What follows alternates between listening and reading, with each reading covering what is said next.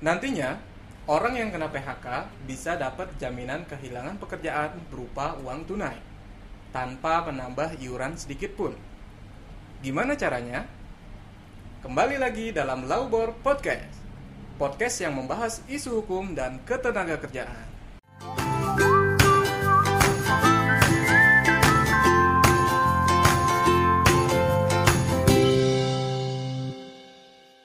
Oke, kembali lagi dengan gue Maul bersama dengan lawyer-lawyer dari Rangga Widigna and Partners. Kali ini masih eh, kita berempat ada Bung Rangga, halo Bung Rangga. Halo, halo. Dan ada Bung Yudi.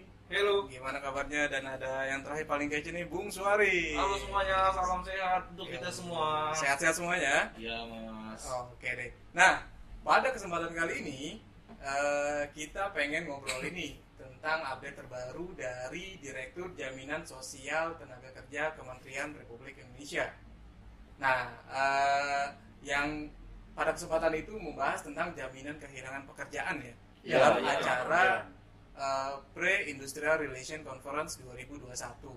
Nah, nah kita akan bahas tentang ini ya, eh, tentang jaminan kehilangan pekerjaan. Iya, benar. Benar, Mas. Jadi eh, kita mau bahas BPJS nih yang kita tahu kan BPJS itu selama ini ada empat jaminan. Oke, Nah, ya, jadi betul. empat jaminan itu yang pertama jaminan kecelakaan kerja, JKK, jaminan kematian, JKM, jaminan hari tua, JHT, dan jaminan pensiun yaitu JP. Namun eh, dengan adanya undang-undang Cipker ada satu jaminan lagi ditambah nih mas, yaitu jaminan kehilangan pekerjaan. Nah jadi tadi eh, Mas Maul, Bro Maul tadi sempat eh, menyinggung mengenai pre industrial Industrial relations Relation Conference. Nah, 20 and 21. Oke, jadi di situ ada pembahasan nih secara eh, detail. Ta- Tapi ini masih ada aturan di peraturan pemerintah juga, Mas. Tapi di sini udah dijelasin ya beberapa ya Mas Rangga ya di dalamnya ya. Benar. Jadi eh, setelah diperhatikan itu ada beberapa yang dijelaskan ya Mas Rangga ya. Ya. Jadi bisa ditambahkan langsung Mas Rangga. Nah, sebelum sebelum mau bahas JKP lebih dalam, pengen tahu dulu dong, ini eh, IR conference pre pre IR conference itu acara apa sih sebenarnya? Oh iya ya benar benar. Oke, eh, yang pertama mungkin diklarifikasi sedikit aja. Tadi itu yang BPJS yang dibilang oleh Bung Suaris itu adalah BPJS tenaga kerjaan. Ya, Karena kan ada BPJS kesehatan juga. siap. Nah, kalau pre-industrial relation conference ini itu adalah acara dari Apindo Training Center di mana isu-isu seperti RPP pengupahan dan update-update mengenai UU Cipta Kerja lainnya di klaster ketenaga kerjaan itu didiskusikan dalam acara itu. Oke. Jadi ini untuk orang-orang yang bergerak di hukum ketenaga kerjaan ya kayak kita kita ini, ini Oke, tuh acara yang penting banget buat diikutin. Oke. Jadi di dalam pembahasan itu bukan hanya BPJS ketenagakerjaan aja ya Mas ya. Bukan, bukan, Jadi ada banyak. Ada banyak juga. Tapi hari ini kita fokus untuk membahas Tentang Tentang jaminan kehilangan pekerjaan. JKP. Nah, jadi teman-teman di luar sana mungkin praktisi-praktisi di ketenagakerjaan mungkin ya HRD-nya atau di bidang IR bisa sama-sama ya mengikuti ya Mas ya. Ini sa- salah satu ya pedoman juga untuk perjalanan undang-undang yang baru ini nih. Karena sekarang ini kita masih menunggu peraturan pemerintah. Jadi sebenarnya JKP itu apa sih? Simpelnya mungkin gini. JKP itu merupakan skema perlindungan baru terhadap korban pemutusan hubungan kerja. Jadi pandemi COVID ini kan nggak hanya memberikan dampak buruk, dampak buruk ya terhadap perekonomian, tapi juga eh, tenaga kerja ini butuh skema perlindungan baru. Dan skema perlindungan baru ini adalah program jaminan kehilangan pekerjaan yang memberikan manfaatnya itu cash benefit. Itu sih simpelnya. Oh, berarti ini ini ya tambahan dari eh, jaminan sosial yang sebelumnya ada gitu ya. Persis. Jadi Hmm. Kalau kita lihat di ini tuh jaminan kehilangan pekerjaan ini, ini merupakan tambahan. Tambahan dalam arti ini tidak menghilangkan jaminan-jaminan sebelumnya. Jadi benar tadi ini dalam pandemi ini kan banyak orang-orang yang kehilangan pekerjaan. Ya. Dan di mana kalau dari kita lihat dari presentasi Ibu Retno Pratiwi itu tujuan dari jaminan kehilangan pekerjaan ini adalah untuk di mana dalam pandemi ini kita bisa mempertahankan derajat kehidupan yang layak pada saat pekerja buruh kehilangan pekerjaan. Jadi mereka tuh tidak benar-benar yang kayak eh, tidak tahu mau tidak tahu gimana caranya hidup, nggak bisa bayar listrik atau semacamnya. Jadi diberikanlah itu ada uang cash setelah di PHK ya setelah di PHK. By the way, ini ada hubungannya nggak sih mas sama eh, yang pengurangan total pesangon itu? Kan di Undang-Undang Cipta kan ada pengurangan tuh. Ini ada hubungannya nggak sih? Eh, mungkin ini eh, dari saya klarifikasi dulu. Pengurangan pesangon ini kita belum pasti ya, karena kalau kita lihat dari jumlah pesangon terhadap PHK normal itu tuh sebenarnya sama aja di 156. Pengurangan ini kabar di mana eh, untuk PHK-PHK dalam keadaan khusus, misalnya efisiensi atau hal-hal lainnya, yang tadi ya dapat dua kali bisa jadi di bawah itu, bisa jadi. Cuma kita belum tahu karena ini masih nunggu RPP. Siap. Jadi tapi jadi ini tuh sebenarnya belum tentu ke situ. Bisa tapi bisa jadi ada hubungannya. Oke. Nah, cuma yang pasti adalah ini tuh JKP ini bukan hanya untuk PKWTT saja. Kalau kita bicara pesangon itu kan sebenarnya kita bicara PKWTT. WTT. Iya. Nah, kalau kita bicara untuk PKWT, itu kan kalau pemecatan itu PHK eh, konsekuensinya adalah kompensasi. Jadi eh, ini ini berbeda. Kompensasi sama-sama kontrak. Nah, ta- tapi kalau kita bicara JKP ini jaminan kehilangan pekerjaan, ini adalah jaminan yang diberikan baik kepada PKWT maupun PKWTT. Jadi ini sebenarnya tambahan ini. Wah, bonus dong ya ini berarti ya. Bonus dong ke Bonus. tenaga kerja ya. Oh iya loh. Itu enak banget gitu kan ketika buka, eh, ketika misalkan kita dapat di PHK gitu Ya, kan ya. masih ada jaminan ya. Oh, kita dapat jaminan Iya, tambahan sebelum mendapat pekerjaan, Mhm. kita masih dapat jaminan, kita masih dapat upah lah istilahnya untuk Hmm. Mencari pekerjaan lagi gitu ya. berarti buat menyambung ke pekerjaan berikutnya ya gitu ya. Ya minimal kalau ada cicilan kita masih bisa bayar cicilan lah mas ya. cicil kan. Iya. dan enaknya sih eh, JKP ini nggak akan menambah beban iuran pekerja dan pengusaha dalam program Oh, JKP. serius ya? Jadi nggak nggak ada iuran sama sekali tambahan lagi gitu? Jadi sumbernya benar-benar dari pemerintah dan rekompi- Wow. rekomposisi iuran dari program jaminan kecelakaan kerja dan juga jaminan kematian. Oh, jadi pemerintah eh, sangat-sangat memperhatikan Iya, keadaan kayaknya ini bentuk kepedulian pemerintah terhadap karyawan tenaga, dan tenaga kerja ya. Tapi ini syaratnya harus PHK ya? Kalau Iya. misalkan resign atau mengundurkan diri itu nggak dapat ya? Nah itu dia tuh. Jadi gimana? Ka- Kadang-kadang kan kita eh, mengartikannya kita resign kan itu udah nggak bekerja juga ya. Kehilangan artinya pekerjaan juga gitu kan? Iya benar. Itu dapat nggak sih? Oke, ini pertama-tama sebelum dilanjutin, saya pengen konfirmasi dulu nih.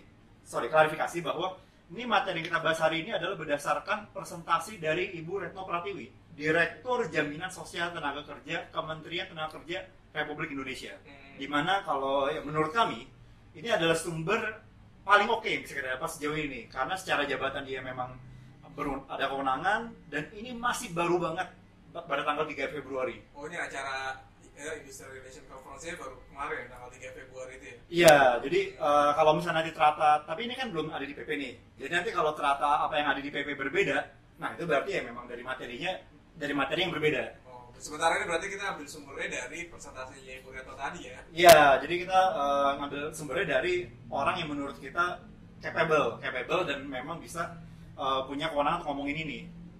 Tapi tapi ini belum menjadi keputusan ya mas ya. Ya, belum belum tentu apa yang kita omongin di sini nanti benar-benar yang akan terwujud di eh, peraturan belum tentu. Ya. Tapi seharusnya sih mungkin nggak akan jauh-jauh. Oke. Nah, Jadi kita fokusnya untuk pembahasan ah, yang dibahas pada tanggal 3 Februari ya mas ya. Yes, dan kalau tadi kalau kembali ke pertanyaan tadi, iya kalau mengundurin diri nggak dapat. Pengunduran diri itu tidak mendapatkan jaminan kehilangan pekerjaan. Ini hanya untuk yang mengalami PHK. Itu pun dengan alasan tertentu. Dengan alasan tertentu. Ya. Nah untuk menjadi peserta JKP itu sendiri gimana caranya itu mas? Kalau untuk menjadi peserta JKP, dia harus terdaftar di BPJS Tenaga Oh syaratnya itu eh, harus mengikuti ya itu ya yang BPJS Tenaga Kerjaan yang empat itu ya? Ya, jadi apa namanya? Kalau kita peserta BPJS Ketenagakerjaan. ya peserta kerjaan, jadi peserta sorry peserta jaminan kehilangan pekerjaan itu syaratnya adalah warga negara Indonesia yang telah diikut sertakan dalam program jaminan sosial. Oke. Jadi eh, s- ka- jadi kalau kita lihat di sini kalau jadi gini, dia kalau misalnya pekerja tersebut udah ikut di JKK, sorry jaminan udah ikut di BPJS Tenagakerjaan, di mana dia diikutkan pada program JKK, JHT, JP, JKM, itu dia akan otomatis menjadi peserta dari jaminan kehilangan pekerja, pekerjaan. Jadi ini kalau dari kalau yang dilihat dari presentasi ini otomatis otomatis ya otomatis kalau yang kalau yang di dari presentasi ya Hmm.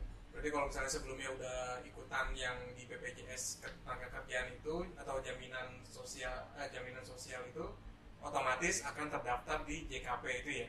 Ya, jadi ketika dia dari ikut program JKN, JKK, JHT, JP, JKM yang ada di BPJS Tenaga Kerjaan, otomatis dia ikut ke sertaan JKP ya JKP. ya ikut ikut tanpa ada JKP. tambahan iuran tanpa ada tambahan iuran. jadi ini positif banget ya Positif loh. Positif. tenaga Kabar kerja kabar baik ini buat Kabar baik, cuman gini masalahnya kan untuk eh, real realisasinya kan kita belum tahu nih Hmm. Perwujudannya nanti gimana. Ya mudah-mudahan seperti yang kita bahas hari ini lah ini memang benar-benar terwujud gitu loh. Mudah-mudahan. Nah, jadi ini ada beberapa itu juga ya mas ya. Ada saya lihat manfaat JKP ini bisa hilang juga mas. Jangan se- seolah-olah udah diatur semua tenaga kerja yang resign atau yang di PHK dapat. Nah jadi ada beberapa syarat juga nih. Ada manfaat ini bisa hilang apabila kita tidak mengajukan nah jadi Hmm, iya benar-benar. ketika kita di PHK nih setelah lewat tiga bulan kita tidak mengajukan kita nggak bakalan dapat manfaat dari JKP Oh jadi gitu. Kalau misalnya kita di, eh, di PHK tapi Ya. nggak Mengajukan. bahwa kita statusnya sekarang lagi di PHK selama tiga bulan, ya jadi itu kita nggak dapat manfaatnya oh nggak akan ada yang ya itu Jadi yang pertama yang kedua kita udah dapat pekerjaan nah jangan sembarangan juga ya ketika kita sudah dapat pekerjaan kita itu ya tetap dapat ini jangan jangan mengajukan juga Oh. karena itu nanti bakalan diaudit Oh ada audit. Iya, karena kan kita itu ada iuran juga. Sekarang kan sistem kita berbasis elektronik semua. Jadi ketika kita mengajukan nah, nomor induk KTP kita kan sudah ngelink gitu loh di setiap perusahaan. Jadi ketika pendaftaran BPJS ini juga nomor induk KTP kita sudah ngelink semua. Hmm. Yang ketiga itu ketika kita meninggal dunia. Nah, kalau ketika kita meninggal dunia, eh, pekerja tenaga kerja yang meninggal dunia tidak mendapatkan manfaat JKP. Gitu. Tunggu tunggu tunggu. Tapi sebelumnya pada tahu nggak nih manfaat JKP itu apa sih? Berupa apa sih? Pada tahu nggak? Nih, jadi gini. eh, balik lagi ya. Jadi manfaatnya itu selama enam bulan. Kalau terkena PHK, besaran manfaat yang akan diterima sama pekerja adalah sebesar 45% dari upah selama tiga bulan dan 25% pada bulan berikutnya. Itu jadi bos. Jadi kita duluan membahas manfaat yang nggak bisa diterima daripada manfaat yang diterima. Maksud maksudnya tadi supaya kita jangan sembarangan juga. Ini kan ya support dari pemerintah. Ya seharusnya apa yang bisa kita nikmatin sesuai porsi kita. Sesuai porsinya. Iya. Oh tadi menarik nih eh, manfaatnya itu tadi berapa eh, Bung Yudi 45 ya? 45% Persen. untuk itu uang tunai ya Uang untuk tiga tunai. bulan pertama yes. Wow, kalau gajinya 5 juta kira-kira dapatnya Iya, berapa? kurang lebih separuhnya ya separuhnya Itu kurang dari hitungannya dari gaji pokok atau dihitung tambah tunjangan atau bagaimana ya supaya lebih clear juga ya. Karena kalau kita lihat kan ada juga tunjangan tidak tetap seperti insentif atau bagaimana tuh. Kalau kita lihat dari presentasi Ibu Retno kemarin, itu dari upah. Upah tadi berarti bukan gaji pokok doang. Oke. Upah itu berarti kan gaji pokok plus tunjangan tetap ya? Jangan tetap kalau kita ngeliat di PP 78 yang sebelumnya yang kita masih belum clear apakah masih berlaku atau tidak. Ada batas maksimum nggak sih? Misalnya gajinya maksimum berapa gitu atau kan bisa jadi kan gajinya 20 juta per bulan gitu kan bisa ada. Bisa jadi gaji kan bisa di atas itu juga Bisa. bisa, Mas. Contohnya saya nih gaji saya kan ada 40 sekian. Oh. Ini tolong Bapak, Bapak Suharis jangan buat besi. Ini bahaya ini. Mas Faris ini udah dua digit ya. kalau RWP menjamin kesejahteraan timnya. Nah, namanya biaya jasa tuh biasanya unlimited Iya. Nih. Oke, kita batasannya itu 5 juta. Batas 5 juta dalam arti ini contoh ya. Kalau tadi kan eh, kita dapat manfaat 45% untuk 3 bulan pertama. Yang berarti kalau kita punya gaji di atas 5 juta, ya kita diambil 5 juta, yang berarti kita dapat 2,250, 2 juta 250 ribu untuk 3 bulan pertama. Tuh, tiga bulan pertama setiap bulannya kita dapat 2 juta 250 ribu. Iya, jadi kita itu dengan asumsi contoh Oke. gaji 5 Lima juta. juta. Iya, 5 juta. Karena memang batas maksimum 5 juta ya. 5 juta. Oh itu ada batas maksimalnya ya. Batas ada batas maksimalnya. batas batas Jadi kalau 5 gaji kita di atas 5 juta itu jangan berharap kita dapat setengah dari gaji. Dapatnya ya di mungkin di 5 jutanya itu ya. Ya itu aja dari 5 juta. Iya, kalau jadi kalau gaji misalnya 40 juta gitu tadi kan kayak bukan berarti kita dapatnya 20 juta ya. Kayak kayak gaji Bung Suarez tadi kan 40 juta gitu. amin, amin. Amin. itu kan Tag- tagihannya 50 juta Minus dong ya. Kena intermezzo ya. jadi kita bukan berarti kalau 20 45 itu 19. Bukan berarti kita dapat uh, jaminan kilang pekerja 19 juta, tidak. Dibatasin di 5 juta 5 saja. juta. Oke. Oke. Berarti tadi selama 3 bulan dapat 2 juta 250 ribu terus kemudian 3 bulan berikutnya 25 persen ya Iya, tiga bulan berikutnya. Jadi di bulan keempat, kelima dan keenam itu dapatnya nanti kalau kita pakai gaji 5 juta tadi, berarti dapatnya 1,25, 1 juta 250 ribu. 250 ribu untuk 3 bulan eh, bulan keempat sampai bulan keenam Iya, benar. selama memang kita belum dapat pekerjaan ya Selama belum dapat pekerjaan. kalau misalkan tadi eh, di tiga bulan pertama memang kita belum kerja lagi nih dapat kan 2, juta 250 ribu nah tapi di bulan keempat kita udah dapat kerja berarti otomatis di bulan keempat udah nggak dapat lagi gitu ya Udah nggak dapat lagi. Jadi eh ada ada syaratnya juga. Jadi kalau syarat menerima manfaat ini adalah mengalami PHK. Itu yang tadi jelas. PHK ya Hanya PHK. Pengunduran diri ini tidak. Terus juga memiliki masa iur paling sedikit 12 bulan dalam 24 bulan. Yang berarti 12 bulan dalam 2 tahun. Dan telah membayar iuran paling singkat 6 bulan berturut-turut sebelum terjadi PHK.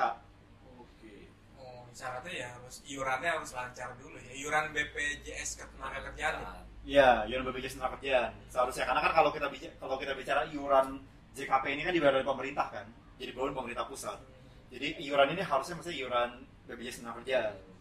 berarti minimum masa kerja di tempat pekerjaan sebelumnya kurang lebih satu tahun lah ya Jadi kalau, kalau kurang dari satu tahun berarti kan nggak memenuhi syarat tadi ya tadi eh, memiliki masa iur paling sedikit 12 bulan nih ya gitu ya Iya, memiliki masa iuran masih 12 bulan. Kalau dalam pengertian eh, saya juga melihatnya paling sedikit dia harus kerja setahun berarti. paling sedikitnya kerja satu masa kerja kerjanya setahun satu tahun ya. Iya, memang masa kerja setahun dan dalam setahun itu harus bayar iuran 6, bulan berturut-turut.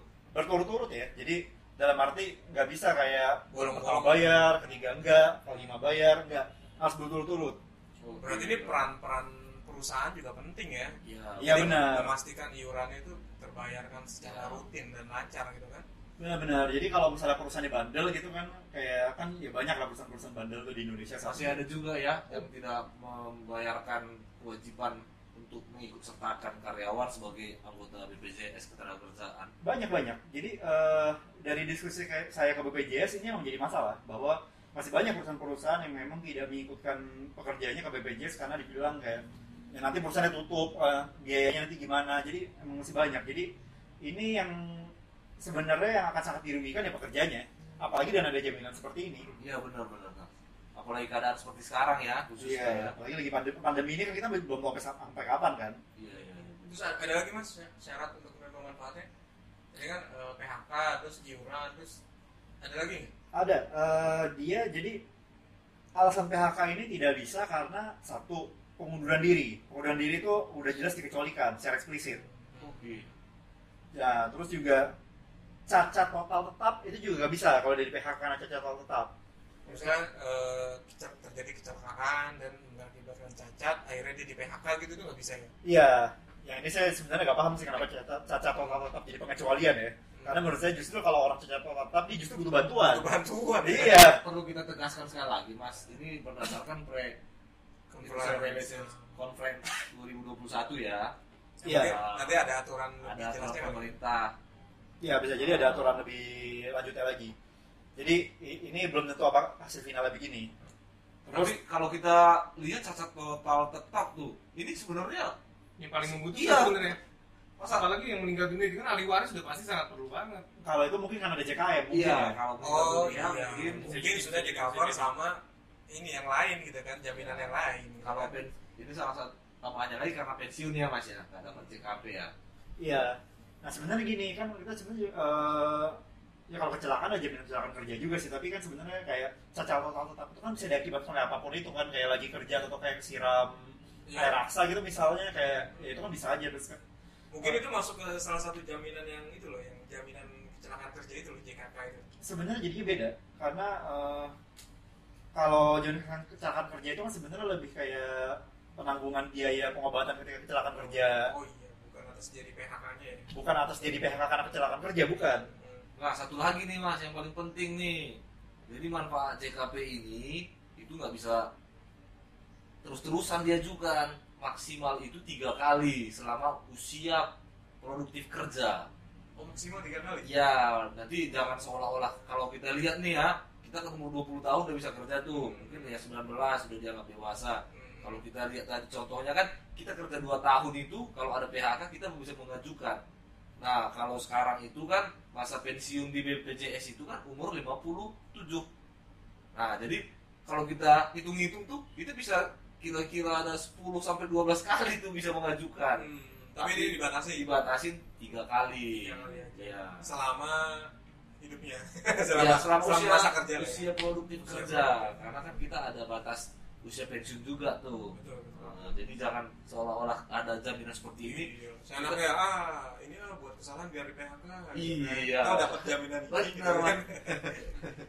jadi Oke oke oke. eh, mungkin ya untuk sementara itu yang bisa disampaikan mengenai BPJS tambahan jaminan dari BPJS ketenagakerjaan yaitu JKP jaminan kehilangan pekerjaan sambil kita menunggu peraturannya ya biar lebih jelas jadi ini tuh kayak semacam eh, kata pengantar lah sebelum PP ini akan dikeluarkan dalam waktu dekat oleh pemerintah Ya. benar-benar jadi JKP ini masih ada aturan peraturan pemerintah ya bukan JKT48 ya betul betul betul jadi ini kenapa ada penyebutan ini Ya, nih jangan jangan salah salah maksudnya. Berarti main ke BPJS Pak ada jaminan JKT48. Wih, jangan JKP. Jaminan kehilangan Pekerjaan. pekerjaan. Oke, ya mudah-mudahan sih ini bisa terwujud ya. Ya, seperti yang sudah kita bahas ya, Hmm. kita harapannya sih bisa menguntungkan Iya, Tenaga karena ini kerja bonus ya. bagi para tenaga Tenaga kerja kerja. Indonesia. bonus dari undang-undang ciptaker lah Woi. urus dari pemerintah. Ya, ya, ya, ya. Bisa, bisa, Tepuk bisa. tangan dulu dong untuk pemerintah. Oke. Ada lagi nggak yang perlu disampaikan nih? udah itu aja terkait JKP ka- eh, karena ini kan kita lebih ke sharing apa yang kita ada re-sharing dari apa yang kita dapat dari Pre Industrialization Conference 2021 di mana benar tadi kata ya Bung Yudi dan Bung Suaris ini ini belum final kita nanti masih nunggu RPP-nya kayak apa tapi untuk saat ini ini bisa jadi seharusnya mendekati Ya, ya. Nggak, nggak begitu jauh melenceng lah ya. ya karena yang berbicara itu yang berwenang Berwenang Iya. ya di kementerian ya. benar jadi makanya kita melihatnya eh, ini penting nih untuk di sharing nih karena ini di tengah pandemi ini ini sangat berpengaruh Oke, terima kasih semuanya telah mendengarkan. Sampai jumpa di Nalbot Podcast berikutnya. Thank you, thank you. Assalamualaikum. Sehat, tetap jaga kesehatan. Thank you, thank you semuanya. Thank you.